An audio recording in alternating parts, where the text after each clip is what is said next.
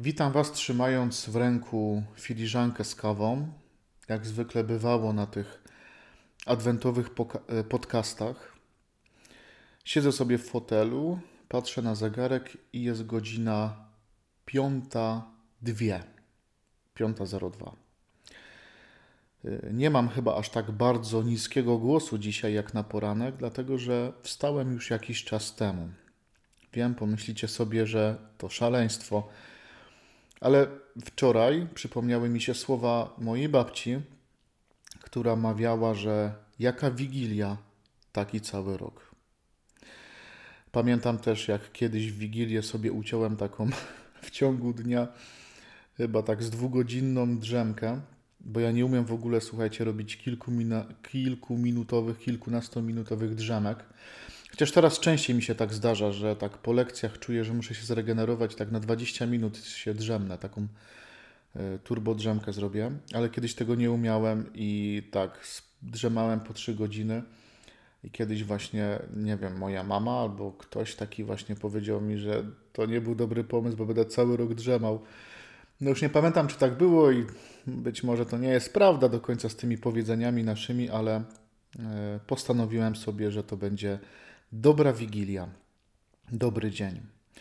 Chciałbym Was bardzo serdecznie przywitać. Nie wiem, czy będziecie mieli dzisiaj czas, mm, żeby posłuchać tego, żeby pomedytować słowo, bo pewno w Wigilię wiele się dzieje, ale no, gdyby w Wigilię nie siąść i nie posłuchać słowa, to trochę tak jakby ten adwent przeżyć tak nie do końca. To tak jakby zjeść obiad i nie zjeść deseru, więc o, zapraszam Was na deser. Posłuchajmy słowa.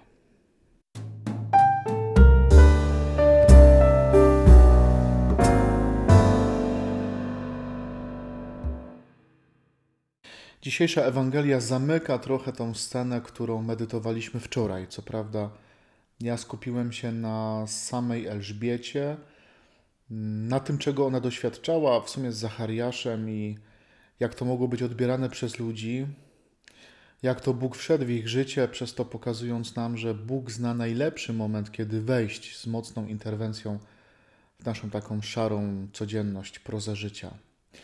I dzisiaj mamy pieśń Zachariasza. To jest druga bardzo ważna pieśń w Piśmie Świętym obok pieśni Elżbiety, obok Magnifikatu, tak zwany Benediktus. No i znowu, pewno moglibyśmy godzinami medytować to słowo, pewno mielibyśmy opinię wielu egzegetów, znaczy opinię, no, wielu egzegetów by nam rozłożyło to słowo na czynniki pierwsze. Ja chciałbym się skupić na dwóch krótkich fragmentach, dwóch zdaniach. Błogosławiony Pan Bóg Izraela, bo lud swój nawiedził i wyzwolił. I później końcówka – Jego ludowi dasz poznać zbawienie przez odpuszczenie grzechów, dzięki serdecznej litości naszego Boga, z jaką nas nawiedzi z wysoka wschodzące słońce, by oświecić tych, co w mroku i cieniu śmierci mieszkają. Kochani, myślę sobie o tym Bożym Narodzeniu, że to jest naprawdę czas, kiedy Bóg przychodzi nas wyzwolić. Kiedy Bóg nas nawiedza, żeby nas wyrwać z ciemności, z jakichś uwikłań, z jakichś nałogów, z jakiegoś grzechu, który być może ciągnie się za nami latami. Że Bóg, przychodząc w ludzkiej postaci, przychodzi też po to, żeby tej biedy ludzkiej dotknąć. Co prawda, będzie bez grzechu, ale z tym grzechem się zetknie.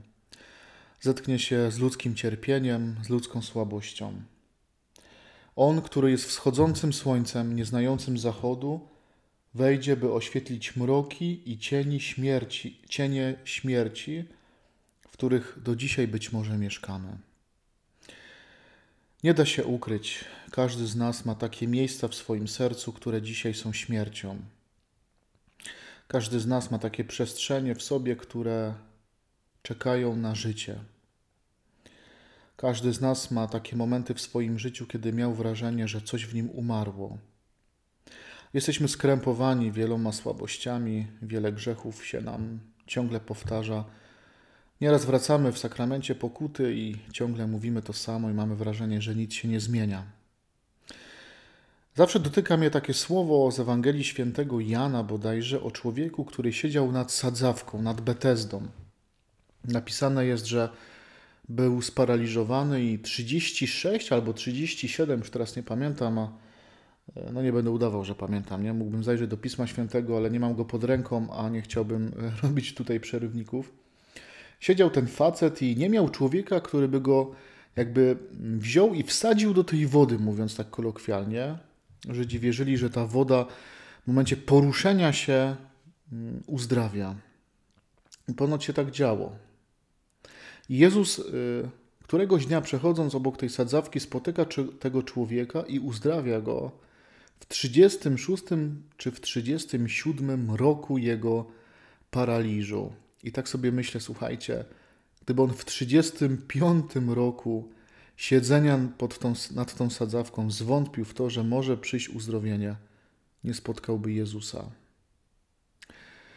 Jeśli wątpisz, jeśli myślisz sobie, że nie ma dla ciebie ratunku, że nigdy Bóg cię nie dotknie, że do końca życia będziesz musiał się z czymś zmagać, to pomyśl sobie o tym, że był kiedyś pewien facet, który trzydzieści kilka lat siedział sparaliżowany i gdyby zwątpił w to, że może przyjść wyzwolenie, że może przyjść wschodzące słońce, które rozpali, rozświetli mroki jego życia, to nie zostałby uzdrowiony.